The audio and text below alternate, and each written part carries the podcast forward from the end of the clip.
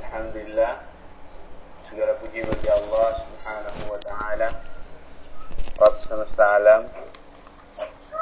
Dan alhamdulillah binikmatihi tatimmus salihat dengan segala nikmat dan rahmat dan karunia yang Allah berikan pada kita semua. Sehingga kita bisa menghadiri uh, ta'lim uh, di siang hari ini bersama Al-Ustaz Al-Fadil Ustaz Abu Salma Hafizullah Ta'ala dengan materi lanjutan Al-Usul Al-Salasa ya. dan salawat dan salam semoga tercurahkan kepada Nabi kita Nabi Muhammad Sallallahu Alaihi Wasallam pada keluarga dan sahabat dan orang-orang selalu istiqamah mengikuti sunnah dan ajaran beliau sampai hari kiamat. Baik, yang ketiga, uh, ana mewakili dari Majelis Ta'lim Al-Fath. Kepala Gais mengucapkan jazakumullah khairan kepada Ustaz Abu Salma Hasbahullah Ta'ala yang telah meluangkan waktunya untuk uh, membagi atau apa um, memberikan ilmu ya kepada kepada kita insyaallah taala dan mudah-mudahan uh, kita bisa mengambil manfaat dari apa yang nanti disampaikan oleh Al Ustaz dan mudah-mudahan kita diberikan ilmu yang bermanfaat oleh Allah Subhanahu wa taala. Dan mudah-mudahan kita semua bisa mengamalkan dan bisa mempraktikkan dalam kehidupan kita sehari-hari apa yang sudah kita uh, pelajari dan apa yang sudah kita catat selama kita mengikuti ta'lim uh, kitab Al-Usul As-Salasa. Dan sekali lagi uh, syukran Ustaz yang sudah meluangkan waktunya untuk uh, mengisi kajian di Majlis Ta'lim Al-Fath Kepala Kais. Semoga Allah Subhanahu wa taala membalas uh, dengan balasan yang setimpal dan yang berlipat ganda buat Ustaz. Dan semoga Allah Subhanahu wa taala menjaga keluarga Ustaz dan Ustaz dan semoga Ustaz selalu diberi kesehatan oleh Allah Subhanahu wa taala. Nah, itu sedikit mutan dari Anda Ustaz. Uh, syukran jazakumullah la alal fursatil thamina. Jadi kesempatan yang sangat berharga untuk membuka uh, kajian di siang hari ini. Uh, untuk selanjutnya kita serahkan langsung kepada Ustaz Abu Salma Hafizahullah Ta'ala untuk langsung masuk ke dalam kajian. Pada alat al-waqtu iyahu falyatafaddal alaihi mashkura. شكرا جزاكم الله خيرا وبارك الله. فيكم طيب بسم الله إن الحمد لله نحمده ونستعينه ونستغفره ونتوب إليه ونعوذ بالله من شرور أنفسنا ومن سيئات أعمالنا من يهده الله فهو المهتد ومن يضلل فلن تجد له وليا مرشدا. أشهد أن لا إله إلا الله وحده لا شريك له وأشهد أن محمدا عبده ورسوله. لا نبي بعده أما بعده فإن أصدق الكلام كلام الله وأحسن الهدى هدى محمد صلى الله عليه وسلم وشر الأمور محدثاتها وكل محدثة بدعة. وكل بدعة ضلالة وكل ضلالة في النار أما بعد uh, Jamaah sekalian, para abah, para ummahat, ikhwan dan akhwat uh, Rahimani wa rahimakumullah Alhamdulillah Di pagi menjelang siang ini kita diizinkan Allah untuk bersua kembali Melanjutkan kajian kita Masih membahas sebuah risalah nafi'ah sebuah risalah yang sangat bermanfaat yang ditulis oleh Syekh Syekhul Islam Muhammad bin Abdul Wahhab rahimahullahu taala yang berjudul Thalathatul Usul wa Adillatuha yaitu tiga landasan utama berikut dalil-dalilnya. Dan kalau tidak salah di pertemuan kemarin kita sudah membahas ya perkataan muallif ya itu Syekh Syekhul Islam Muhammad bin Abdul Wahab ya yang mana beliau sebelumnya telah menerangkan tentang hakikat daripada ibadah ya. Yaitu uh, wa ma khalaqtul jinna wal insa illa liya'budun wa ma'na ya'budun yuwahhidun. Wa a'dhamu ma amara Allah bihi at-tauhid wa huwa ifradullah ta'ala bil ibadati ya lalu kemudian uh, wa a'dhamu ma naha anhu asy-syirku wa huwa da'watu ghairihi ma'ahu wa dalilu qawluhu ta'ala wa'budullaha wa la tusyriku bihi syai'a. Itu pembahasan kita yang terakhir, yaitu yakni tentang larangan yang paling besar ya yang Allah Subhanahu wa taala uh, sampaikan adalah kesyirikan. Ya, yaitu dakwatu ghairihi ma'ahu yaitu menyeru atau memanggil atau berdoa ya kepada selain Allah di samping Allah. Artinya selain menyembah Allah, selain berdoa kepada Allah juga berdoa kepada selain Allah. Contohnya misalnya ya Allah, ya Rabbku, ya tolong perkenankanlah aku wahai Muhammad, nabiku, tolong sembuhkanlah aku. Wahai Syekh fulan wa fulan tolonglah aku dalam jodohku. Maka ini termasuk kesyirikan. Ya karena menyeru atau meminta kepada selain Allah Subhanahu wa taala. Ya. Jadi berdoa ya kepada selain Allah. Memang bab ini ada perincian. Perinciannya adalah perbuatan yang seperti ini bisa termasuk ke dalam syirkul akbar yang mengeluarkan dari Islam dan bisa pula termasuk syirkul asgor, yaitu tidak mengeluarkan dari Islam tapi lebih dahsyat daripada ya maksiat, zina, judi dan yang semisalnya. Termasuk minum khamar. Ya. Jika seseorang dia berdoa kepada Allah, meminta kepada Allah, kemudian dia meminta kepada selain Allah, dan dia meyakini orang selain Allah ini memiliki kemampuan yang sejajar atau sama dengan Allah, atau orang-orang ataupun makhluk-makhluk tersebut bisa memenuhi hajatnya, ya, maka dia telah jatuh kepada syirkul akbar.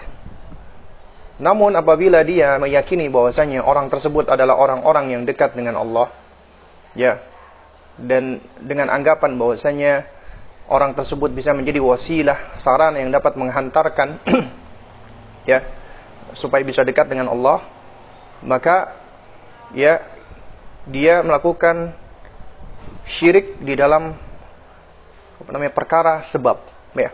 Dan ini sebenarnya menurut pendapat yang rajih tidak menyebabkan pelakunya menjadi murtad keluar dari Islam. Tapi dia jatuh kepada syirk, syirkul asgor yang lebih dahsyat daripada khamar, zina, judi dan kemaksiatan-kemaksiatan yang lainnya. Ya. Namun sejatinya berdoa sebagaimana kata Nabi sallallahu alaihi wasallam doa huwal ibadah doa itu adalah ibadah karena itu tidak boleh dipalingkan kepada selain Allah dan secara asal hukumnya adalah syirik dan pelakunya adalah musyrik nah karena itu makanya Syekhul Islam Muhammad bin Abdul Wahab beliau membawakan dalil dari surat An-Nisa ayat 36 wa'budullaha wa la tusyriku bihi syai'a. Sembahlah Allah semata dan janganlah kamu menyekutukan Allah dengan sesuatu apa pun. Dan kita semua tahu Luqman alaihissalam ketika menasehati anaknya ya ketika beliau menasehati putranya ya bunai la tusyrik billah inna syirka la zulmun adzim wahai anakku janganlah kamu menyekutukan Allah karena sesungguhnya syirik itu termasuk kezaliman yang besar jadi Luqman mengajarkan kepada putranya syirik itu adalah ya kezaliman yang besar la zulmun azim ya syirik adalah kezaliman yang dahsyat Bagaimana tidak dahsyat? Ya. Bukankah Allah Subhanahu wa taala yang menciptakan hamba, memberikan rizki, menghidupkan, mematikan. Ya. Kemudian Allah menundukkan matahari, bulan, bintang. Semuanya Allah tundukkan. Dan kemudian semua itu adalah untuk kemaslahatan hamba, untuk kemaslahatan manusia. Tapi kemudian manusia malah tidak bersyukur kepada Allah dengan cara mengibadahi Allah semata dan malah beribadah kepada selain Allah. Jadi dia menempatkan sesuatu yang tidak pada tempatnya. Dan ini adalah penempatan sesuatu yang paling tidak benar, yang paling dahsyat, yang paling besar. Ya. Artinya memberikan hak uluhiyah, hak peribadatan kepada selain Allah. Orang yang menyembah batu. Seakan-akan menjadikan batu itu adalah penciptanya, padahal batu nggak bisa ngapa-ngapain. Orang yang menciptakan, orang yang menyembah patung, patung itu nggak bisa ngapa-ngapain, bahkan patung itulah yang masnu' yang dibuat, yang dibikin, tapi malah disembah. Orang yang menyembah matahari, matahari juga tidak bisa memberikan maslahat dan madarat, nggak bisa menghidupkan, mematikan, ya. Namun malah menyembah matahari, ya. Dan dia tahu bahwasanya pencipta alam semesta ini cuma satu, Allah Subhanahu Wa Taala. Semua manusia itu menetapkan pencipta itu satu, Khalik itu ada, wujud dan Khalik itu cuma satu. Ya ini ditetapkan secara fitrah dan akal sehat. Ya, secara akal sehat ya secara logik mendasar bahwasanya semua yang ada di alam semesta ini diciptakan oleh Allah Subhanahu wa taala. Ya. Nah, tapi ternyata malah ya setelah kita diciptakan dan kita diberikan rizki namun malah manusia itu menyembah selain Allah. Al-Hafidh Ibnu Daqiqil Aid Semoga Allah merahmati beliau. Ya. Itu di antaranya ketika beliau membahas hadis tentang innamal a'malu biniyat. Ya beliau sempat membawakan sebuah uh, permisalan yang sangat bagus sekali, yang sangat baik banget ya. Nah, itu di antaranya juga ketika berkaitan dengan masalah menduakan niat. Ya. Dan juga ada bab yang juga di situ masuk ke dalam bab kesyirikan. Bagaimana pendapat Anda apabila ada seorang ya, seorang hamba, seorang pembantu ya, seorang budak yang mana budak atau hamba ini oleh majikannya diberikan berbagai macam kebaikan digaji dengan bayaran yang tinggi, disediakan rumahnya, diberikan makan minumnya, semuanya diberikan kebaikan-kebaikan. Bahkan dia hanya diberikan waktu jam bekerjanya dari 24 jam cukup satu jam saja. Selebihnya bebas. Ya, jam kerjanya cuma satu jam. Kemudian dia difasilitasi dengan berbagai macam kebaikan. Tapi alih-alih dia berterima kasih, bersyukur kepada majikannya, ya, namun dia malah mengabdi kepada yang bukan majikannya. Ya, dia malah mengabdi kepada orang lain yang nggak ngasih dia apa-apa, yang nggak ngasih dia gaji, nggak memberikan dia rumah, tidak memberikan dia berbagai macam manfaat yang ada, ya nggak ngasih apa-apa, tapi ternyata dia malah mengabdi berterima kasih kepada yang bukan majikannya. Ya. Nah, bagaimana menurut Anda adanya hamba seperti ini? Ini berarti hamba yang nggak tahu diri. Hamba yang tidak tahu diri. Tidak tahu berterima kasih, yang zalim. Ya. Kepada majikan utamanya yang memberikan memfasilitasi dia berbagai macam kebaikan, dia tidak memberikan apresiasi. Tapi malah dia malah apa malah mengabdi kepada majikan-majikan lain yang nggak ngasih dia apa-apa. Dan ini kita bicara sama-sama manusia loh yang lemah. Atas bagaimana apabila itu adalah pencipta kita Allah Subhanahu wa taala. Walahu matalul a'la. Bagi Allah itu perumpamaan yang jauh lebih tinggi lagi. Nah, karena itu makanya adakah kezaliman yang paling besar, yang lebih besar daripada hal ini? Dan alangkah hikmahnya Luqman ketika menasehati anaknya inna syirka la dhulmun azim sebagai ta'lil sebagai argumentasi sebagai dalil maksud saya ya sebagai dalil atas nasihat beliau ketika memberikan larangan la tusyrik billah. Janganlah kamu menyekutukan Allah nak. Kenapa? Inna syirka la dhulmun azim karena kesyirikan itu nak adalah kezaliman yang paling dahsyat Jangan kamu menyekutukan Allah. Juga di dalam surat yang lain, surat uh, An-Nisa contohnya, ayat ke-48. Allah Subhanahu wa taala berfirman, "Wa may yusyriku billah faqad iftara itsman 'azima." Siapa yang menyekutukan Allah, siapa yang berbuat syirik kepada Allah, faqad iftara, faqad iftara, maka sungguh dia telah berbuat iftira. Maka sungguh dia telah berbuat ya kedustaan. Ithman azima. Maka sungguh dia telah membuat-buat sebuah kedustaan dan dosa yang besar. Anda tahu artinya iftira? Ya iftira itu artinya ya membuat suatu kedustaan. Kalau bahasa kita itu mungkin ngomongnya fitnah. Ya. Oh si fulan menfitnah si fulan ada si fulan si A si A ini dia menuduh si B katanya si B itu melakukan ini dan itu tanpa ada bukti sama sekali. Ya. Ya kemarin si B dia habis mencuri ini. Cuma sekedar tuduhan. Nah, ini namanya berbuat iftira. Iftira artinya dia ya menisbatkan sesuatu ya kepada orang lain yang mana dia tidak pernah melakukannya. Nggak ada buktinya. Di sini Allah sebutkan orang yang berbuat syirik menyekutukan Allah Subhanahu wa taala, maka dia telah berbuat kedustaan yang besar. Ya. Dan dosa itsman azim, dosa yang paling besar.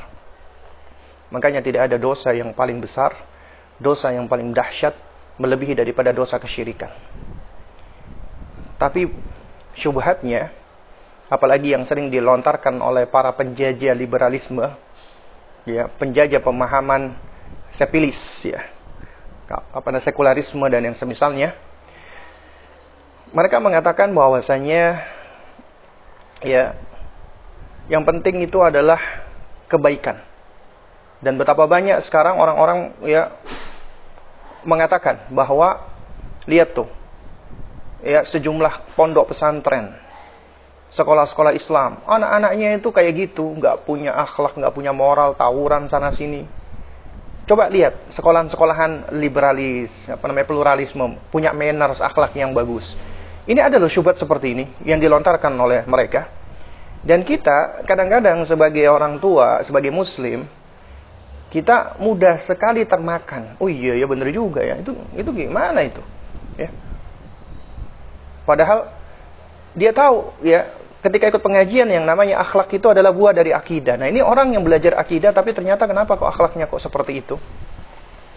Dan ini menjadi syubhat. Yang menjadi syubhat. Ya. Lo lihat itu orang-orang mohon maaf ya, non muslim, orang-orang apa namanya Nasrani misalnya, ya, yang begitu baik memberikan sumbangan-sumbangan makanan, kemudian begitu ramah sama orang, ya. Sedangkan ada sebagian kaum muslimin yang malah kasar keras ya. Ini syubhat. Ya. Dan di antara syubhat yang waktu itu ya sempat sampai apa kepada saya bahkan ada yang tanya itu tentang bagaimana sih kita menyikapi Ustadz ada sekolah-sekolah Islam tapi ternyata anak-anaknya itu kok seperti itu bejat lah dalam tanda kutip ya bejat suka tawuran kemudian belum lagi tentang fenomena seks bebas dan yang semisalnya waliyadzubillah waliyadzubillah sedangkan di sejumlah sekolah yang dikatakan sebagai sekolah sekularisme apa namanya pluralisme itu mannersnya bagus akhlaknya bagus katanya seperti itu. Bagaimana Ustadz kita menanggapi masalah seperti ini? Waktu itu yang saya jawab adalah yang pertama kita sebagai seorang muslim harus berpikir kritis. Artinya begini kritis pertama kritis di dalam menerima berita orang ini membawa berita. Beritanya fakta atau bukan gitu loh. Karena ini adalah suatu berita yang cenderung menggiring opini. Oleh karena itu yang kita kejar pertama kali mana faktanya? Mana buktinya? Mana yang dimaksud? Ya. Sekolah Islam mana yang dimaksud sehingga dikatakan bahwasanya ya, sekolah ini anak-anaknya bejat. Kemudian sekolah sekuler mana yang dimaksud sehingga dikatakan anak-anaknya punya manners yang bagus. Kita kejar dulu faktanya. Oke, dia membawa fakta, membawa contoh sekolah A, sekolah B, sekolah C. Ya, kemudian kita kejar lagi, kita kritisi lagi di poin yang kedua, ya. di poin yang kedua kita tanya, ya, apakah boleh kita menggeneralisir, mentakmim dengan adanya contoh sekolah A, sekolah B melakukan seperti itu? Berarti wah ini berarti sekolah Islam semuanya seperti itu atau oh ini sekolah ini sekolah ini apakah berarti sekolah apa sekuler semuanya seperti itu? Ya. Nah jadi kita apa kritisnya lagi? Benar nggak metode meng menggeneralisir? Mentakmim seperti itu benar nggak? Melakukan generalisir. Kemudian yang ketiga ya ya. Nah kita pun juga harus kritis. Kita juga harus bisa ya memberikan contoh. Ada loh sekolah-sekolah muslim yang alhamdulillah anak-anaknya baik. Anak-anaknya juga insya Allah eh, akhlaknya bagus mannernya bagus ya. Itu kita bisa ambilkan contoh. Dan ini banyak sebenarnya ya. Kenapa kok yang anda lihat itu yang yang yang jelek ya? Ternyata ya manusia itu cenderung melihat misalnya ini komunitas baik ini ini komunitas baik ya. Komunitas Islam kemudian ada satu dua atau sebagian orang melakukan keburukan. Ini yang kelihatan yang tampak. Kenapa? Karena biasanya kalau kita lihat kertas putih ada noda bintik-bintik hitam. Nah itu yang kelihatan. Tapi kertas putihnya itu kita lupakan. Ya. Demikian pula ada komunitas yang jelek, komunitas sekulerisme, komunitas liberalisme, komunitas yang mengajarkan tentang konsep-konsep orang-orang kufar. Nah, yang kita tahu namanya liberalisme berarti liberal di situ, pemikirannya liberal, akidahnya liberal, termasuk akhlaknya juga liberal sebenarnya. Ya, mungkin memang ada orang-orang yang masih berada di atas fitrah baik, sopan, tapi belum tentu yang lainnya seperti itu. Ya. Nah karena itu bisa jadi di lingkungan yang jelek ada satu, dua, tiga orang yang baik, yang itu yang kelihatan. Jadi kalau misalnya kertas hitam mungkin ada uh, spot-spot uh, putih, yang putih itu yang kelihatan. Nah masalahnya bisa nggak kita menggeneralisir yang spot putih ini berarti semuanya dianggap putih, yang noda hitam berarti semuanya hitam, yang nggak bisa seperti itu. Kemudian yang keempat juga kita jawab syubhat ini adalah ya ya ketika kita menilai sesuatu jangan dinilai dari pelakunya dari penganutnya dari pemeluknya jangan menilai Islam dari pemeluknya kenapa karena banyak pemeluk Islam nggak ngerti tentang hakikat daripada Islam Anda ingin tahu tentang Islam pelajari dari sumber utamanya Anda ingin tahu tentang sesuatu pemikiran pemahaman pelajari dari buku induknya dari pemahaman induknya anda ingin tahu tentang Islam? Cari tahu dari Al-Quran dan Sunnah. Anda ingin tahu tentang agama-agama lain, cari dari kitab-kitab sucinya. Jangan dinilai dari penganutnya, pemeluknya. Ya. Karena kita tahu, pemeluk Islam saat ini banyak jauh dari agamanya. Sehingga apabila kita menilai Islam dari pemeluknya, berarti kita menilai Islam jauh dari Islam. Di sisi lain ternyata ada orang-orang kafir. Ternyata kalau kita lihat kitab-kitab sucinya banyak melakukan tahrif, banyak eh, banyak apa namanya? Eh, terjadi perubahan-perubahan. Ya, bahkan banyak hal-hal yang sebenarnya tidak benar. Kemudian misalnya ada satu atau dua hal atau tiga hal pelakunya melakukan hal yang baik ataupun yang benar, itu bukan artinya semua apa yang ada di dalam ajarannya itu adalah pasti baik dan dan benar tidak. Kita nggak bisa menilai sesuatu itu hanya dari segelintir orang-orangnya saja. Anda ingin menilai Islam, nilailah dari Rasulullah Sallallahu Alaihi Wasallam. Lihatlah dari tokoh utamanya, dari sahabat-sahabatnya yang mulia. Jangan dilihat dari orang-orang zaman sekarang dong, ya nggak bisa gitu. Ya, nggak bisa melihat dari pemeluknya.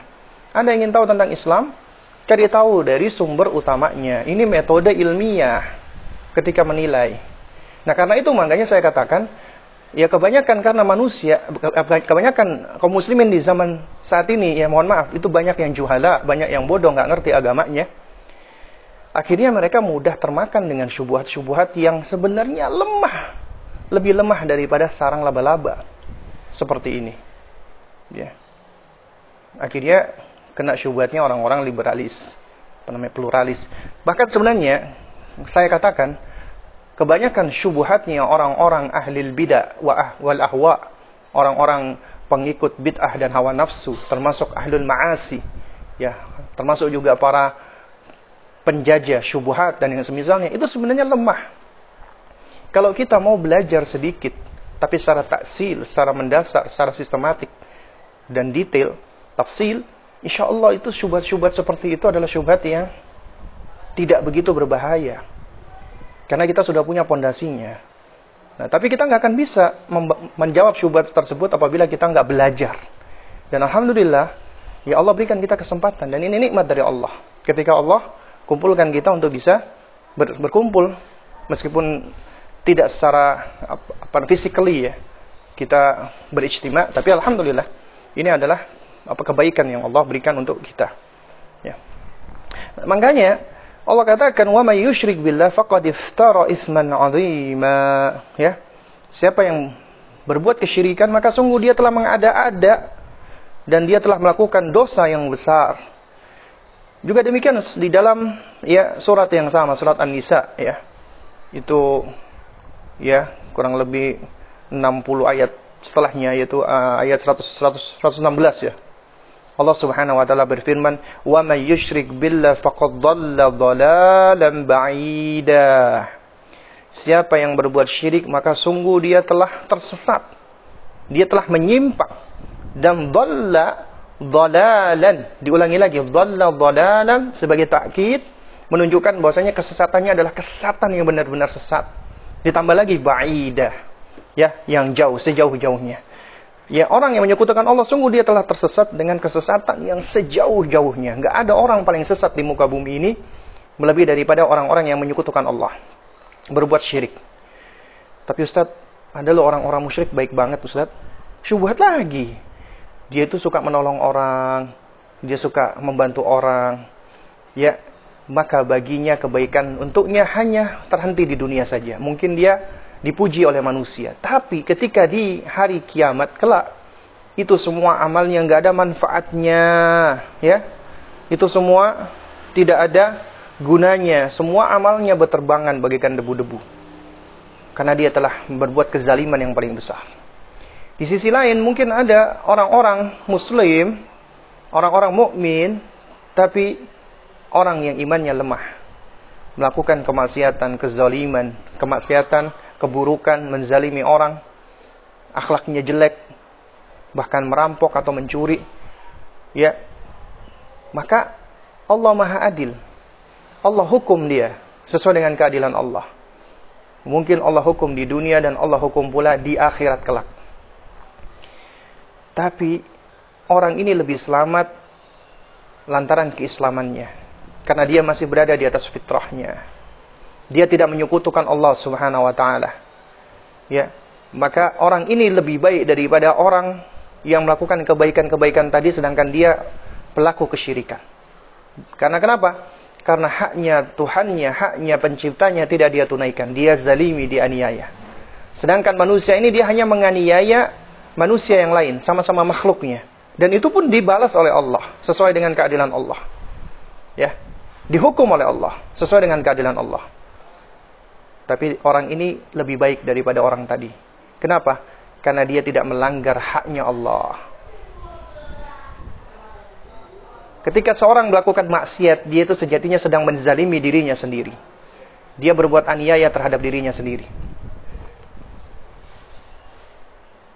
Nah karena itu, para abah dan para umat yang dimuliakan Allah, sungguh ya, suatu pola pikir yang patut kita kritisi sekali lagi perlu kita kritisi lagi. Ketika kita melihat ada sebagian ya kaum muslimin yang semangat menegakkan amar ma'ruf nahi mungkar. Kita apresiasi. Ya. Semangatnya kita apresiasi. Ghirahnya kita apresiasi. Ketika ingin menutup tempat-tempat maksiat, ingin menutup tempat-tempat keburukan, tempat perzinaan, tempat fahsya wa mungkar, kemudian juga uh, minum apa minuman khamr perzinahan. Ya alhamdulillah kita apresiasi. Ya. Tapi ya ada satu hal pula yang membuat kita bersedih. Apa itu? Yaitu ketika kuburan-kuburan yang diagungkan kuburan-kuburan yang dikeramatkan yang kaum muslimin berkumpul di sana berdoa di sana ya dan bisa jadi meminta kepada sang mayit mencari keberkahan dari sang mayit, ini dianggap sebagai bagian dari ibadah. Ini dianggap sebagai suatu kebaikan. Padahal bisa jadi itu jatuh kepada kesyirikan. Dan kesyirikan jelas jauh lebih dahsyat daripada kemaksiatan. Ya. Dan ini suatu hal yang kita sedihkan. Ya. Nah, karena itulah para abad dan para umat yang dimuliakan Allah. Sesungguhnya pondasi paling mendasar ketika kita hendak mendidik umat, termasuk mendidik keluarga kita dan anak kita, pondasinya tidak lain dan tidak bukan adalah tauhid, akidah yang benar, jauhkan dari kesyirikan. Ya. Dan ketika kita berkeluarga, kita ini punya visi loh. Apa visi kita? Visi kita adalah kita ingin ya selamat dari neraka dan dikumpulkan oleh keluarga kita di surganya Allah, di jannahnya Allah Subhanahu wa taala. Ya. Dan ternyata untuk menuju kepada surganya Allah, itu kita butuh torikoh, butuh cara, butuh metode. Ada kurikulumnya di situ, dalam tanda kutip ya. Ada cara-cara yang harus kita tempuh agar kita bisa terhindar dari neraka dan masuk ke dalam surganya Allah. Dan yang paling mendasar dan pondasi dari itu semua adalah menegakkan tauhid dan menjauhi syirik. Bahkan Allah Subhanahu wa taala dalam surat Al-Maidah Allah mengatakan innahu may yusyrik billah faqad harramallahu alaihi al-jannata wa ma'wahu an-nar wa ma lidh-dhalimin min ansar. Sesungguhnya orang yang menyekutukan Allah, orang yang berbuat syirik kepada Allah, Allah haramkan baginya surga dan tempat kedudukannya adalah neraka. Dan tidak ada bagi orang-orang zalim ini. Allah sebutkan mereka sebagai orang-orang zalim penolong. Satupun nggak ada yang bisa menolong mereka. Ya dan juga perlu kita perhatikan bersama manusia itu banyak dosanya melakukan kemaksiatan melakukan keburukan tabiat manusia itu bolak-balik melakukan salah maka yang Nabi mengatakan kullu bani adam khata semua anak keturunan Adam itu selalu berbuat apa selalu bolak-balik berbuat dosa, berbuat ke kekeliruan kemaksiatan. Selalu. Makanya Nabi berikan ya setelahnya apa wa khairul khata'in tawabun sebaik-baik orang yang bolak-balik melakukan kesalahan dia selalu bolak-balik bertaubat kepada Allah kembali kepada Allah artinya kita manusia pasti melakukan kemaksiatan Ya, alhamdulillah Allah berikan kita hidayah taufik. Ketika kita maksiat, kita tahu kita salah, kita segera beristighfar memohon ampun kepada Allah, kita inabah kepada Allah. Allah sayang, Allah cinta dengan siapa hamba-hambanya yang mau ya bertobat kepada Allah. Kenapa? Karena Allah At-Tawwabur Rahim. Allah adalah zat yang maha menerima taubat, At-Tawwab. Ar-Rahim lagi maha lagi maha apa namanya penyayang. Allah sayang sama hamba-hambanya, Allah rahmah dengan hamba-hambanya. Dan kesempurnaan sifat tawabnya Allah, ya, yaitu dikarenakan karena sifat lemah dan kurangnya kita, lemah dan kurangnya hamba. Kita banyak melakukan maksiat. Kita banyak melakukan keburukan-keburukan. Tapi setelah kita sadar apa yang kita lakukan itu buruk, apa yang kita lakukan itu jelek, apa yang kita lakukan itu maksiat, maka kita segera bertobat. Kita inabah kembali kepada Allah. Kita memohon ampun kepada Allah. Allah ampuni kita. Sebetapapun banyak dosa-dosa kita. Kecuali kesyirikan. Kecuali kesyirikan. Ya. Illa syirk. Di dalam surat An-Nisa Allah mengatakan innallaha la yaghfiru ay yushraka bihi wa yaghfiru ma duna liman yasha. Sesungguhnya Allah tidak akan mengampuni dosa syirik tapi Allah ampuni dosa-dosa selain itu bagi siapa saja yang Allah kehendaki makanya ya nasihat Allah dari awal sampai akhir dan nasihatnya para nabi dan para rasul dari awal sampai akhir dan nasihatnya para ulama-ulama kaum muslimin dari awal sampai akhir adalah wa'budullaha wa la tusyriku bihi syai'a. Sembahlah Allah semata dan janganlah menyekutukan Allah dengan sesuatu apa pun. Ya. Sembahlah Allah semata. Ya. Karena ya di dalam sebuah hadis qudsi Nabi bersabda Allah berfirman, "Ya ibadi wahai hamba-hambaku, ya lau ataitani ya sekiranya kalian itu mendatangiku di hari kiamat dengan khotoya dengan dosa sepenuh ya langit ya dari dengan membawa dosa ya sebesar gunung sepenuh langit ya walam tusyrik bi syai'a dan kalian tidak pernah menyekutukan aku dengan sesuatu apa pun la ataituka bil maghfirah maka aku akan ya datang mendatangi kalian dengan ampunan sepenuh langit dan bumi pula. Kalian datang, manusia datang, kita datang kepada Allah dengan dosa sepenuh langit dan bumi. Ya, tapi kita tidak menyekutukan Allah dengan sesuatu apa pun. Ya, maka Allah bisa ampuni kita. Allah bisa maafkan kita. Ya. Kenapa? Karena innallaha la yaghfiru ayyushraka bihi wa yaghfiru ma duna dzalika wa yaghfiru ma duna dzalika. Allah ampuni dosa-dosa selain syirik. Tapi tentunya kepada siapa saja yang Allah kehendaki. Ya. Nah, ini adalah bab yang penting dari bahasan ini. Baru kemudian ya Syekh Muhammad Syekhul Islam Muhammad bin Abdul Wahhab nama rahimahullahu taala ya. Baru kemudian beliau melanjutkan ucapannya ya beliau menerangkan tentang ya al-usul ats-tsalatsah. Al-usul ats-tsalatsah.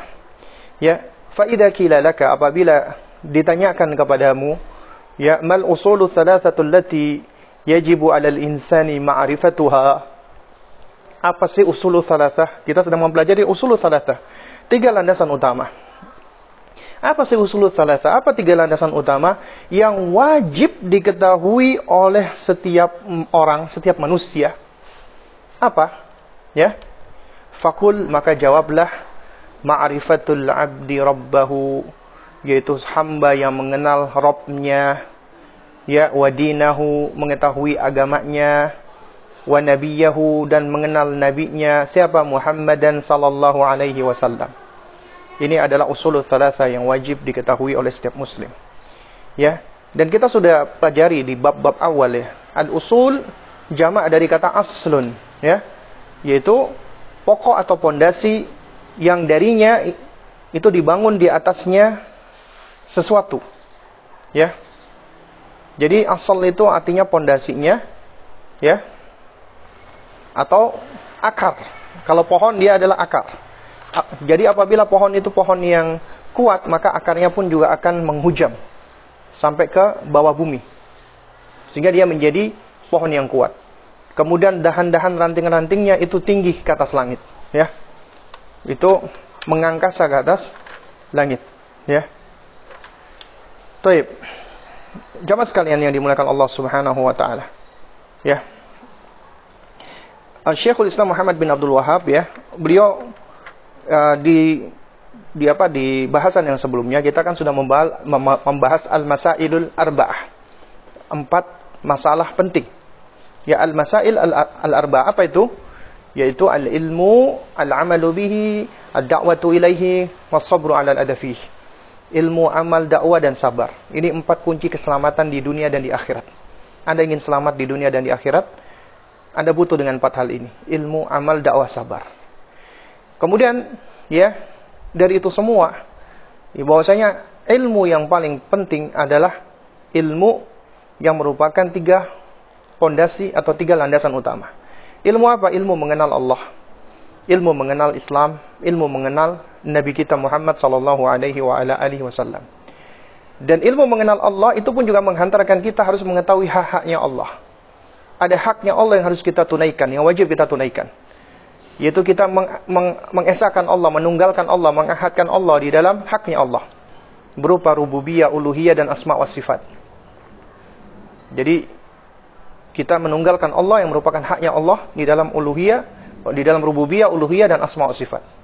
Ini juga sudah kita bahas. Dan intisari dari semua dakwah dan tujuan Allah menciptakan kita semua adalah tidak lepas dari tauhid uluhiyah.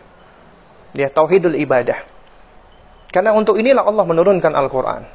Untuk inilah Allah mengutus para nabi dan rasul. Dan untuk inilah Allah menciptakan semua apa yang ada di alam semesta ini. Menegakkan hak al-uluhiyah. Peribadatan hanya untuk Allah subhanahu wa ta'ala.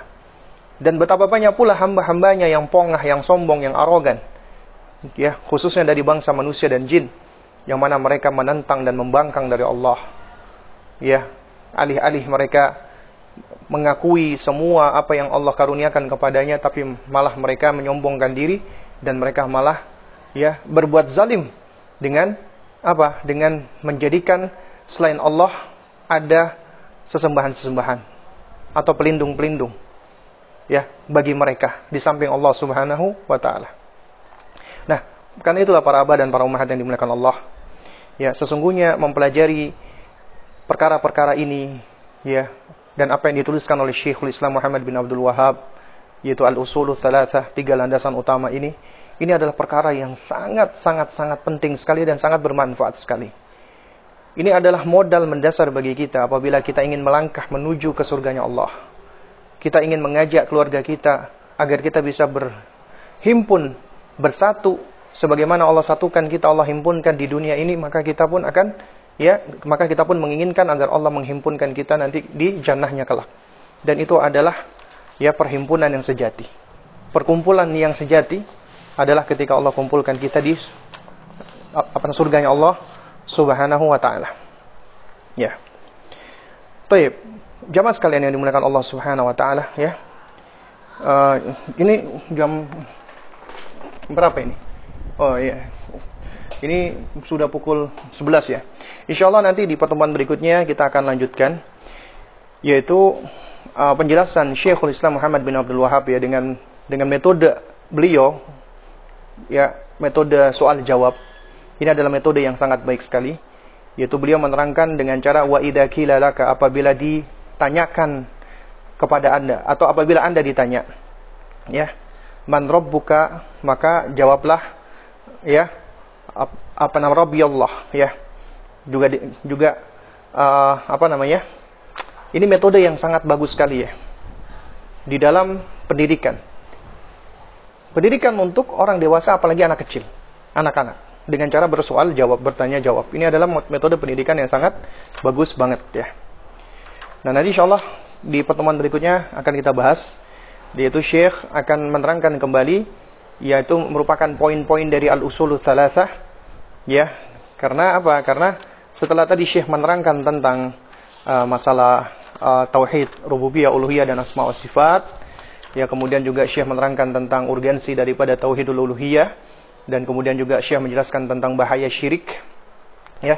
Maka Syekh menjelaskan kepada pembahasan utama daripada kitab atau risalah satu usul ini yaitu tentang al-usul thalathatul lati yajibu 'ala al-insani ma'rifatuha yaitu ma'rifatul 'abdi rabbahu wa dinahu wa nabiyahu Muhammadan sallallahu alaihi wasallam yaitu salah satu usul yang wajib diketahui oleh setiap manusia yaitu hendaknya manusia mengenal Robnya, tahu tentang Robnya, tahu agamanya, dan tahu tentang nabinya Muhammad Sallallahu Alaihi Wasallam.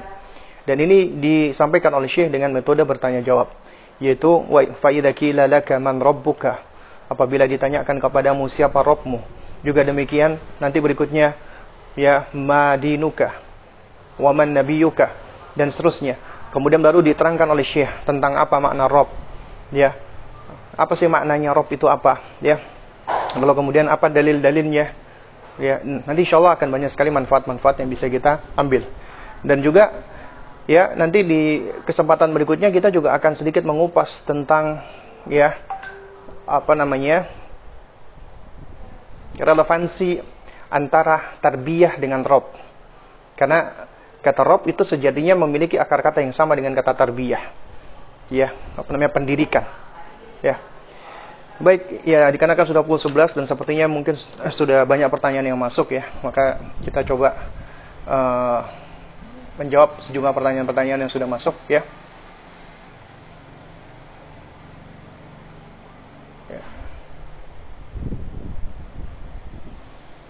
Ya. Uh, kita apa udah ada ini? Apa sudah ada pertanyaan yang masuk?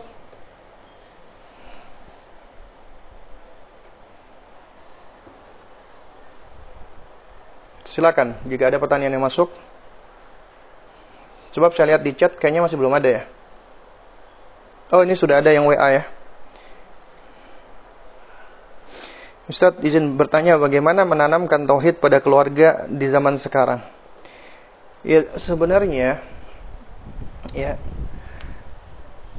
yang lebih tepat adalah bukan menanamkan tauhid ya, tapi tapi apa? memelihara, menjaga memupuk dan menumbuhkan tauhid. Kenapa? Karena anak-anak kita dan semua manusia itu secara asal mereka sudah memiliki tauhid, sudah berada di atas tauhid.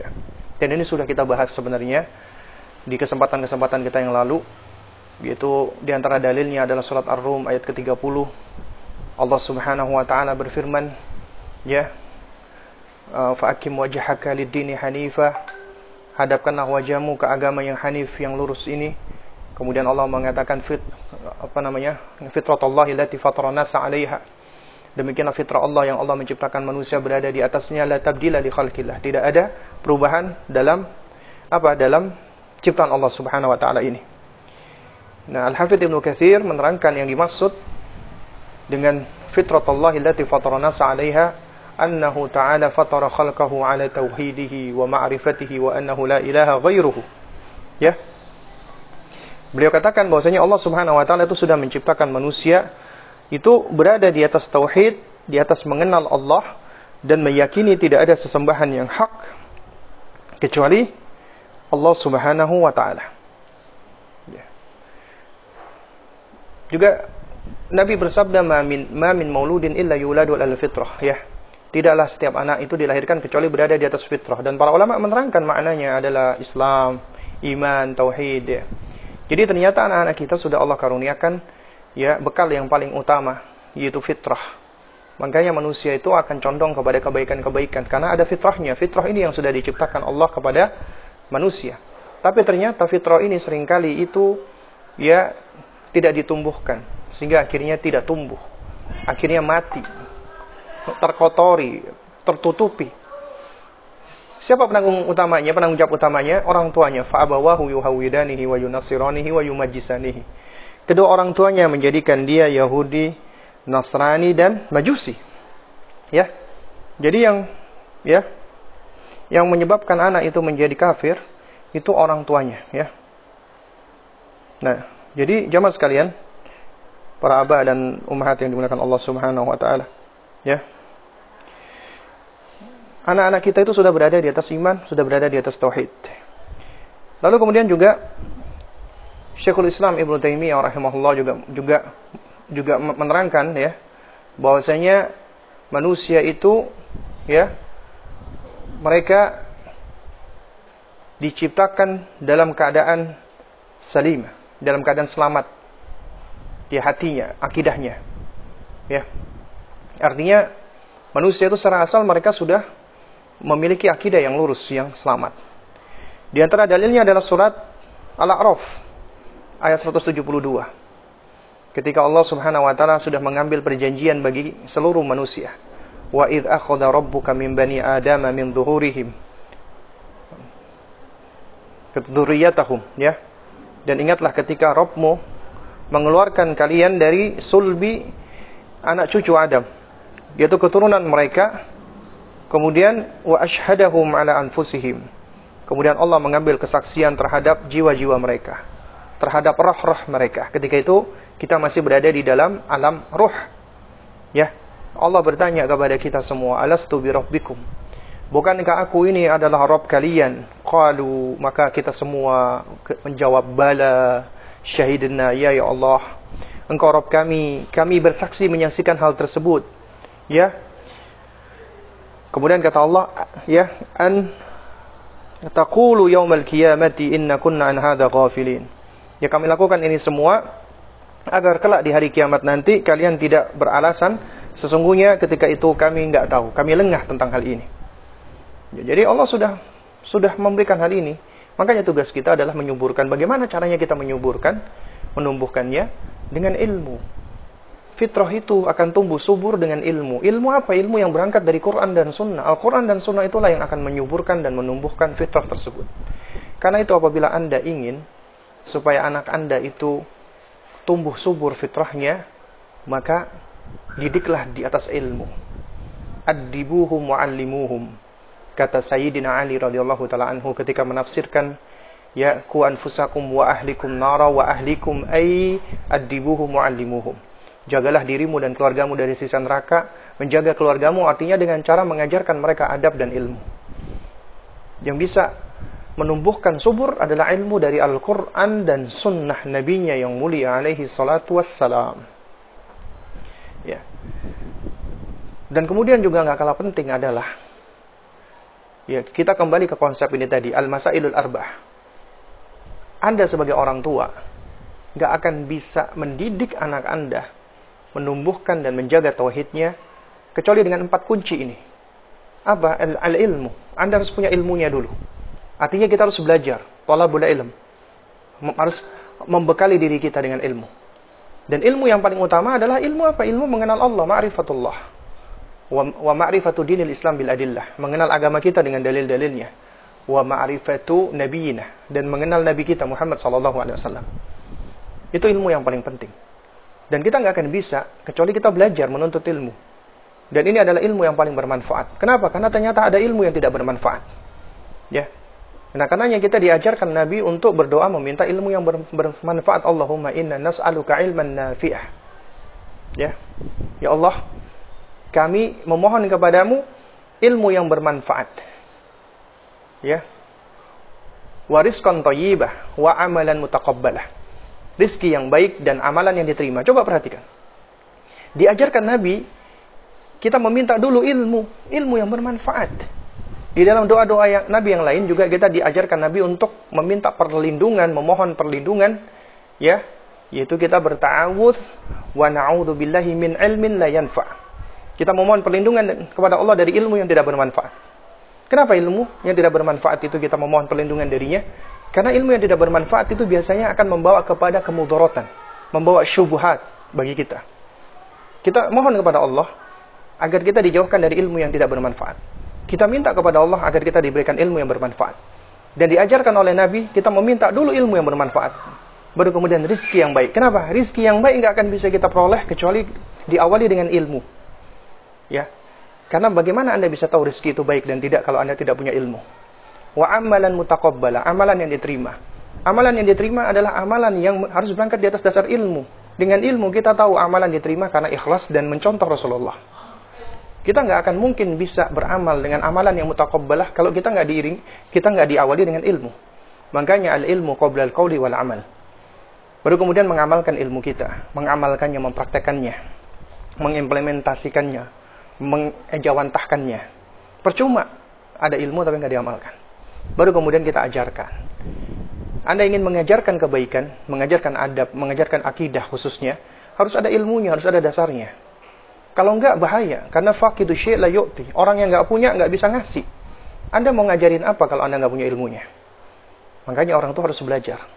Anda ingin menanamkan tauhid kepada anak dari semenjak kecil, anda sendiri harus belajar tauhid, harus mengerti tauhid dan harus hikmah. Hikmah maknanya Anda bukan cuma belajar tahu tentang konsep tauhid, tapi Anda nggak tahu tentang ahwalul mad'uin, kondisi objek dakwah Anda, kondisi anak-anak Anda. Kenapa? Karena Anda dituntut ketika menyampaikan harus mengerti tentang kondisi objek dakwah Anda, mad'u Anda, dalam hal ini anak-anak Anda. Anda harus mengerti sifatnya, karakteristiknya, muyulnya, kecenderungannya, ya kemudian juga perkembangannya fase perkembangan sesuai dengan usianya harus ngerti kenapa karena ketika anda berinteraksi kepada mereka ya apa sebagaimana dinasihatkan oleh para ulama-ulama salaf apa mereka mengatakan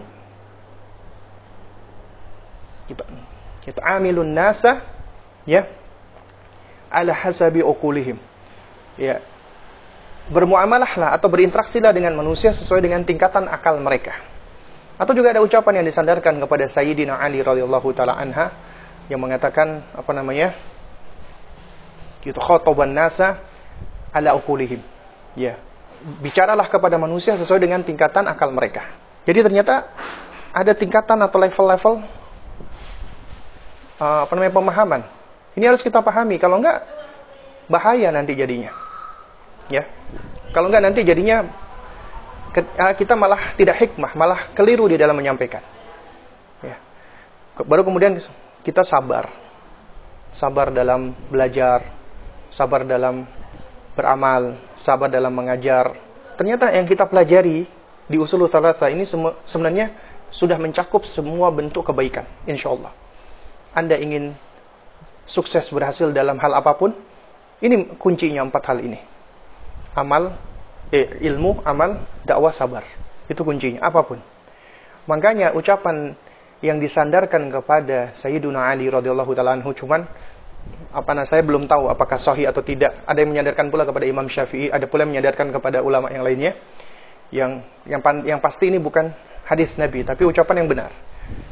Mengatakan man aradal akhirah fa'alaihi bil ilmi wa man arada dunya fa'alaihi bil ilmi wa man aradahuma fa'alaihi bil ilmi. Siapa pingin akhirat harus dengan ilmu. Siapa pingin dunia harus dengan ilmu. Siapa pingin kedua-duanya, dunia dan akhirat juga harus dengan ilmu. Artinya nggak bisa lepas kita dari yang namanya ilmu. Ya. Demikian pula ketika Anda ingin mendidik anak Anda di atas tauhid, harus dengan ilmu. Dan ilmu inilah nanti yang insya Allah akan menjadi sebab-sebab hidayah Allah. Akan menjadi sebab-sebab taufiknya Allah turun kepada hamba-hambanya. Wallahu a'lam bishawab. Kemudian pertanyaan yang berikutnya. Bagaimana jika seseorang pernah menggugurkan kandungan sampai dua kali karena kejahilan masa lalu? Apakah harus membayar kafarat? Apakah dosanya akan diampuni? Semua dosa selain syirik ya. Bahkan syirik pun apabila dia bertaubat ya sebelum meninggal dunia, maka Allah akan ampuni. Ya. Bedanya ya bedanya uh, sebab sebab waktu waktu itu ada yang nanya, Ustaz, lantas apa bedanya dosa syirik dengan dosa selain syirik? Kalau toh kedua-duanya itu juga harus harus apa? Uh, kalau toh kedua-duanya itu juga akan diampuni Allah. Asalkan sudah bertaubat. Ya. Lantas yang menjadi beda apa? Bedanya Anda melakukan kesyirikan, Anda tidak bertobat kepada Allah, maka dipastikan Anda mati dalam keadaan musyrik dan Anda akan kekal di dalam neraka selama-lamanya. Tapi ketika Anda melakukan kemaksiatan, melakukan dosa, termasuk dosa besar, Anda tidak bertobat kepada Allah. Maka ada kemungkinan besar dengan keadilan Allah, dengan kasih sayang Allah, dengan rahmat Allah, ya dengan kebaikan Allah, Allah ampuni dosa Anda. Bisa jadi Allah hukum dulu, kemudian Allah ampuni, atau bisa jadi dengan kehendak Allah, Allah ampuni langsung. Itu bedanya. Ya, maksiat Anda belum bertaubat, kemungkinan besar Anda untuk diampuni Allah ada. Syirik Anda nggak bertobat, pasti masuk neraka khalidina fiha. Anda kekal di dalamnya selama-lamanya. Jika ada seorang manusia, seorang muslim, ketika dia belum atau ketika dia belum hijrah, dia berada di dalam kondisi ketika dikungkung dengan apa namanya ke, melakukan perbuatan-perbuatan maksiat. Dia berzina misalnya. Kemudian dia hamil. Kemudian dia menggugurkan kandungannya.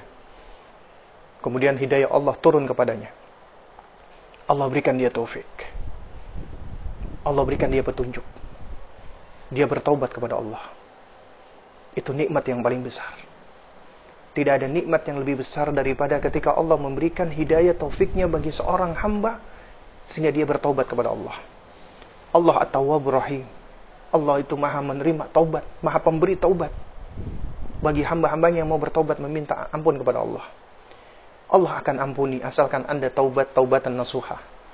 Anda taubat dengan taubat yang sesungguh-sungguhnya. Anda menyesal atas perbuatan Anda. Anda memohon ampun kepada Allah anda menangisi dosa-dosa Anda. Anda berjanji berazam tidak akan mengulanginya lagi. Kemudian Anda melakukan perbuatan-perbuatan baik. Allah akan ampuni dosa Anda. Allah akan bersihkan semua dosa-dosa Anda. Bahkan bisa jadi orang-orang yang tadinya bermaksiat kemudian dia bertobat, kondisinya lebih baik daripada orang yang banyak melakukan kebaikan, ya, dan dia mungkin tidak bertobat. Jadi jamaah sekalian yang dimuliakan Allah Subhanahu wa taala, jangan pernah berputus asa dari rahmat Allah.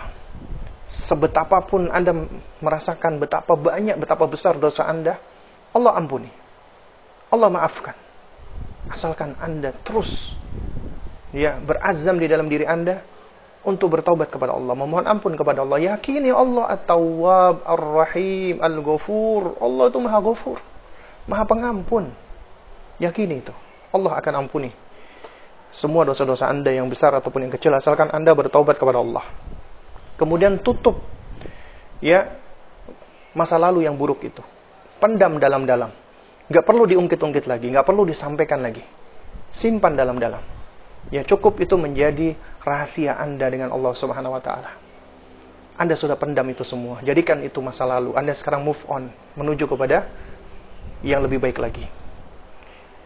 Allah alam Ustaz, saat sakaratul maut, apakah benar syaitan menggoda kita untuk melakukan kesyirikan, Ustaz? Syaitan itu adalah makhluk yang paling istiqomah dalam tanda kutip ya. Kenapa saya katakan demikian istiqomah? Karena mereka nggak kenal lelah, nggak ada henti-hentinya berupaya untuk mencari teman agar bisa menemani mereka di neraka jahanam nanti. Mereka berupaya tanpa henti-hentinya memalingkan manusia agar manusia itu berhenti beribadah, berhenti melakukan kebaikan dan mengikuti mereka ya mengikuti langkah-langkah mereka.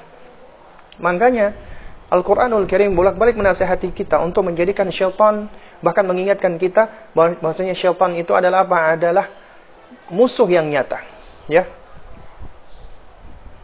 Bahkan juga kita dinasihatkan wala tattabi'u apa namanya? khutuwati syaitan Janganlah kalian mengikuti langkah-langkah syaitan. Ya. Dan syaitan itu memang memiliki perangkap-perangkap talbis. Itu sebagaimana disebutkan oleh Al-Hafidh Ibnu Qayyim rahimahullah taala dan juga uh, dinukilkan oleh para ulama di antaranya oleh Al-Allamah Abdul Muhsin Al-Abbad Al-Badr hafizahullah taala ya di dalam sejumlah apa risalah beliau bahwasanya syaitan itu memiliki dua senjata utama yaitu senjata syahwat dan senjata syubuhat. Kepada orang-orang bodoh tapi semangat beribadah, ya yang nggak punya ilmu, syaitan masuk melalui jalur syubuhat. Diindahkan perbuatan-perbuatan bid'ah. Dihiasi perbuatan-perbuatan bid'ah. Sehingga mereka melakukan perbuatan itu dengan anggapan itu kebaikan. Padahal mereka telah memaksiati Allah dan Rasulnya ya, dengan perbuatan bid'ah. Kenapa saya katakan telah memaksiati Allah dan Rasulnya? Karena Nabi yang mengatakan, ya, apa fa inna kulla bid'atin dhalalah wa kulla dhalalatin finnar. Semua bid'ah itu sesat, sesat itu neraka tempatnya. Syaitan mengajak kita kepada neraka. Dan juga kepada ya orang-orang yang mungkin punya ilmu. Syaitan masuk melalui jalur syahwat. Ya. Dijadikan dia senang dengan apa, apa namanya popularitas. Senang dengan harta, senang dengan hal-hal duniawi, senang dikenal dan seterusnya. Ini perangkap syaitan. Dan manusia selama dia masih menghirup nafas nggak nggak nggak bisa lepas dari fitnah-fitnah seperti ini. Karenanya kita butuh selalu ya untuk senantiasa meminta memohon perlindungan Allah. Kita butuh selalu bantuan Allah, pertolongan Allah. Karenanya kita ya harus banyak beristighfar kepada Allah dan memohon perlindungan kepada Allah Subhanahu wa taala. Jadi ya jangankan sakaratul maut. Sebelum sakaratul maut pun juga syaitan sudah berusaha untuk memalingkan kita. Bahkan di antara cara syaitan untuk memalingkan manusia, untuk memalingkan muwahidin maksud saya, ahlu sunnah. Syaitan berputus asa untuk menjadikan ahlu sunnah, orang-orang muwahidun, mentauhidkan Allah, itu melakukan kesyirikan. Lalu syaitan masuk dari jalur lain. Apa itu? Jalur tahrish, memecah belah persatuan. Ya, memasukkan perasaan membenci satu dengan yang lainnya, hasad, dengki. Makanya jangan heran kalau sama-sama ustadz kok yang satu ternyata saling menjelekkan. Bisa jadi karena perangkap syaitan. Apa? Hasad, iri, dengki. Penyakit manusia, penyakit hati manusia. Dari syaitan. Syaitan berputus asa memang untuk menjadikan dia menyekutukan Allah. Berbuat syirik.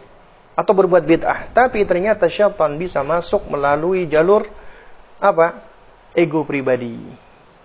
Melalui jalur hasrat pribadi kedengkian, ya hasad, iri, nggak suka dengan orang lain dan seterusnya. Akhirnya memecah belah barisan kaum muslimin. Nah jadi syaitan senantiasa berusaha memalingkan manusia dengan berbagai macam cara juga termasuk ketika ketika apa sakratul maut ya. Itu sangat mungkin sekali ya. Nah juga ketika sakaratul maut itu manusia berada dalam kondisi yang kesulitan. Ya. Berada dalam kondisi yang kesakitan pula. Dan mereka nggak bisa mengeluarkan kata-kata kecuali apa yang sudah menjadi kebiasaan mereka. Orang yang sering berzikir kepada Allah, sering bertahmid kepada Allah, sering beristighfar kepada Allah, sering bertahlil mengucapkan la ilaha illallah dan menegakkan maknanya, menegakkan konsekuensinya. Ketika dia meninggal dunia, Allah akan mudahkan dia untuk menutup usianya dengan kalimat tauhid la ilaha illallah. Tapi ketika manusia ketika dia senang mengucapkan kata-kata jelek, kata-kata pisuan kalau kata orang apa Surabaya, kata-kata kotor, kata-kata buruk, kata-kata jelek, bisa jadi ketika dia meninggal dunia, maka dia akan mengakhiri hidupnya dengan kata-kata jelek tersebut. Ya. Ya. Karena benar ya, ketika ada sebuah proverb yang mengatakan ya bahwasanya ya al insanu mata alama apa namanya alaihi. Ya au kama ya. Manusia itu akan mati sesuai dengan kebiasaan yang dia lakukan. Ya seorang pecinta bola bisa jadi ketika dia lagi nonton bola kemudian dia begitu histeris ketika melihat uh, klub yang dia banggakan. Gol. Kemudian dia mengucapkan gol kemudian dia meninggal dunia. Atau mungkin dia kena serangan jantung kemudian dia dibawa ke rumah sakit. Ketika ditalkin la ilaha illallah la ilaha illallah dia bukan mengucapkan kalimat la ilaha illallah dia mengucapkan kalimat gol. Sangat mungkin. Dan ada sebuah kisah nyata ya yaitu kisah yang diceritakan oleh seorang polisi. Waktu itu dia sempat uh, dinas sebagai polantas dan sempat menangani sejumlah kecelakaan lalu lintas.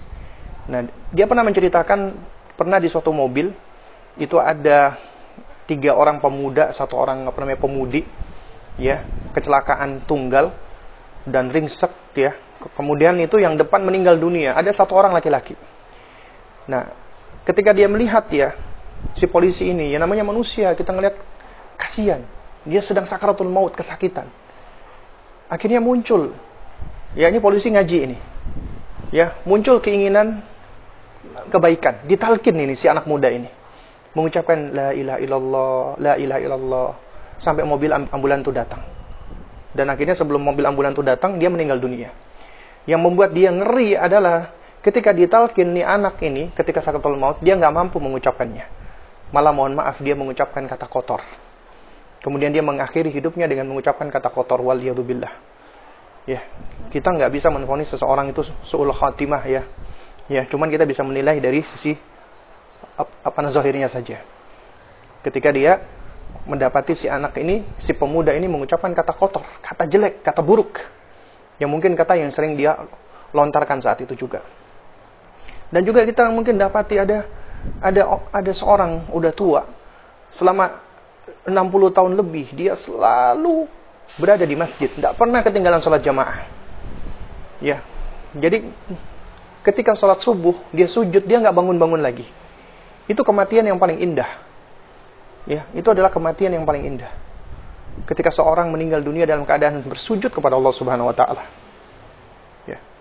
Dia meletakkan anggota tubuhnya yang paling tinggi merendah ya, merendahkan diri di hadapan Allah dan dia mengucapkan subhana rabbiyal a'la maha suci Allah engkau yang maha tinggi.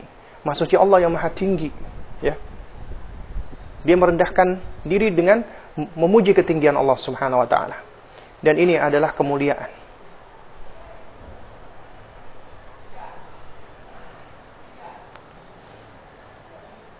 Bagaimana cara agar agar kita tidak enam tergoda oleh oleh syaitan? Ya caranya adalah ya kita harus banyak bertawud kepada Allah beristighfar kepada Allah ya. Memohon pertolongan kepada Allah beristianah kepada Allah. Kita sibukkan dengan beramal saleh. Kita mengikuti sunnah-sunnah nabinya. Kemudian kita mencari sahabat-sahabat yang baik ya. Kita terus belajar dan menuntut ilmu. Itu di antara cara-caranya. Bagaimana caranya agar bisa menjawab pertanyaan di alam kubur? Ya Caranya adalah alhamdulillah saat ini itu di antara caranya sudah kita lakukan.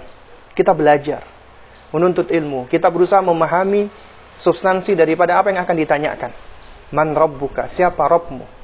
Kita di dunia bisa bisa menjawab siapa Tuhanmu, tapi nanti di kuburan belum tentu kita bisa mampu. Kita bisa dan mampu menjawabnya. Ya. Karena orang yang bisa menjawabnya adalah orang yang dia ngerti, memahami dan mengamalkan empat hal tadi. Dia berilmu, dia mengamalkan, dia dakwahkan dan dia sabar. Itu caranya. Wallahu a'lam Apakah dengan membaca surat Al-Mulk bisa menyelamatkan dari siksa kubur?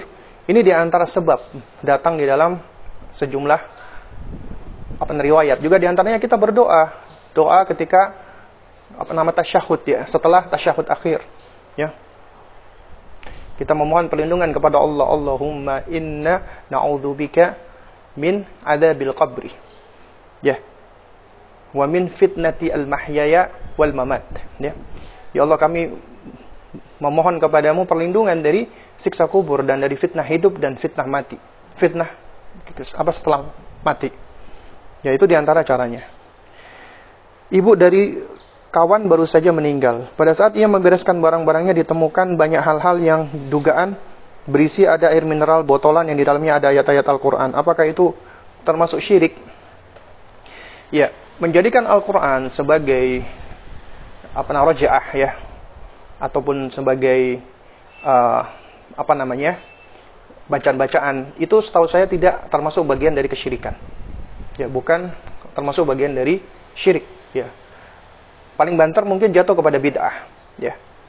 Paling banter jatuh kepada bid'ah ya. Kecuali orang yang meyakini Al-Qur'an semata itu bisa ya bisa memberikan manfaat dan madarat. Cuman ya insya Allah seorang muslim ketika dia meyakini Al-Quran, ya dia yakini Al-Quran ini adalah kalam Allah. Ya, dia yakini ini adalah berasal dari Allah. Itu dianggap sebagai sebab. Ya, jadi tidak termasuk syirik. Bahkan contohnya lagi tawassul saja, tawassul. Kita bertawassul. Tawassul itu ada tawassul yang syirik, ada tawassul yang syar'i, ada tawassul yang bid'ah. Ya. Nah, di antara tawassul yang syar'i adalah kita bertawassul dengan nama-nama Allah, sifat-sifat Allah. Ya Allah ya Rahman dengan sifat Rahmanmu ya kasihilah aku. Ya Allah ya Ghafur yang maha pengampun ampuni aku ya. Ya Allah yang maha kuat Al-Qawi berikanlah aku apa namanya kekuatan. Ini adalah cara-cara yang benar.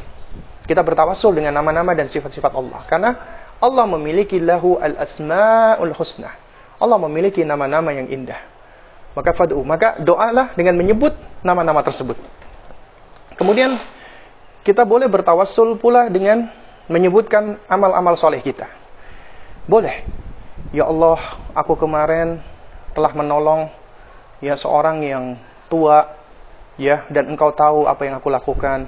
Ya Allah, dengan sebab amalanku tadi maka tolonglah aku, bantulah aku. Berikanlah aku pertolongan. Itu boleh. Ya.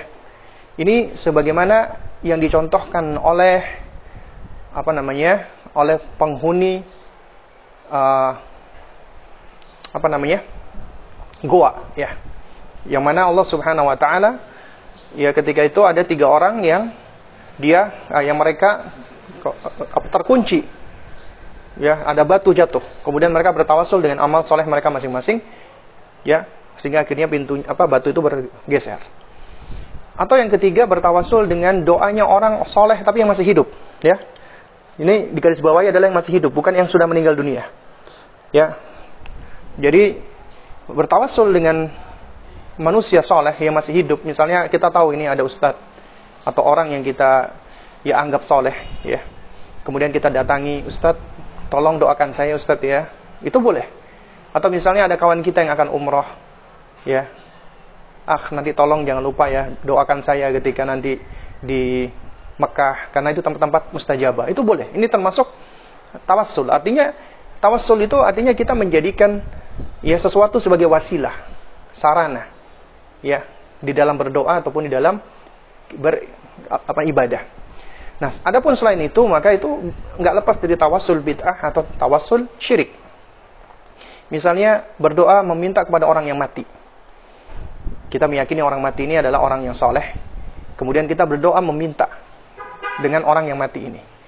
Nah, kalau kita misalnya bilangnya, Ya Allah, dengan haknya Syekh Fulan dan Fulan, dengan kebaikan dan kesolehan fulan dan fulan ya Allah tolonglah aku maka ini termasuk tawasul bid'ah bahkan juga ketika kita menyebut jahnya Rasulullah kemuliaannya Rasulullah ya ya ya Allah dengan kemuliaan Rasulullah dengan keagungan Rasulullah maka ya aku meminta kepadamu ini juga disebutkan oleh para ulama termasuk bentuk bid'ah bertawasul dengan jah atau dengan kemuliaannya Rasulullah atau dengan ya Allah dengan uh, dengan kemuliaan malaikat Jibril misalnya.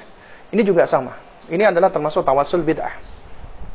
Nah, yang syirik adalah ketika kita meminta langsung kepada sang mayit. Ya Syekh fulan wa fulan, ya. Berikanlah aku kesembuhan, ya. Berikanlah aku jodoh. Maka ini syirik, ya. Ini maka ini syirik. Bahkan kalau dia meyakininya itu bisa menjatuh kepada syirkul akbar. Kalau orang tersebut bisa memenuhi eh, apa yang dia inginkan. Atau bisa jatuh kepada syirik asgar. Ketika dia minta, Ya Syekh Fulan wa Fulan, sesungguhnya engkau adalah orang yang memiliki hubungan dekat dengan Allah, maka sampaikanlah kepada Allah agar Allah mengampuni aku. Maka ini termasuk syirik asgar. Ya, dan ini juga termasuk bid'ah. Ya. Nah, kita pernah mendengarkan yang namanya salawat badr. Itu juga ada tawasul di dalamnya, ya. Ya, ketika uh, kita apa ketika dikatakan apa tawassalna bi bismillah kami bertawassul dengan basmalah dengan menyebut nama Allah boleh nggak boleh ini masyru tawassalna bi bismillah ya wabil hadi rasulillah dan kami bertawassul dengan petunjuknya Rasulullah nah di sini ada ada perincian seseorang yang bertawasul dengan Al-Quran misalnya, Ya Allah aku bertawasul dengan Al-Quran, maka para ulama mengatakan boleh. Karena Al-Quran kalamullah, ucapan Allah, firman Allah. Ya, bukan makhluk. Karena itu boleh. Ya. Jadi, bertawasul dengan Al-Quran itu boleh. Ya. Dan juga, Anda membaca Al-Quran, kemudian ditiupkan kepada minuman, dengan sebab-sebab uh, apa ruqyah syariah itu boleh ya. Jadi kalau itu yang dibacakan Quran, atau ayat-ayat Al-Quran, maka ini suatu hal yang dibolehkan. Tapi kalau Anda baca Al-Quran, eh, afan, Anda bakar mushaf Al-Quran, kemudian abunya dimasukkan ke dalam minuman, maka ini termasuk bid'ah. Ya, maka ini masuk ke dalam bid'ah. Allah alam. Baik, ya ini sepertinya sudah tidak ada lagi apa namanya pertanyaan yang masuk. Dan ini juga sudah pukul 11.48 ya. Antar lagi sudah jam 12. Ya mungkin ini yang dapat saya sampaikan. Dan kurang lebihnya saya mohon maaf jika ada perkara-perkara yang kurang berkenan atau yang salah atau yang keliru. Mohon uh, dimaafkan. Karena yang benar datangnya dari Allah yang batil datangnya dari diri saya pribadi. Ya ya kita kita tutup majelis kita pada uh, siang hari ini dia dengan kafaratul majelis subhanakallahumma wa bihamdik asyhadu an la ilaha illa anta astaghfiruka wa atubu ilaik. Wassalamualaikum warahmatullahi wabarakatuh. Waalaikumsalam warahmatullahi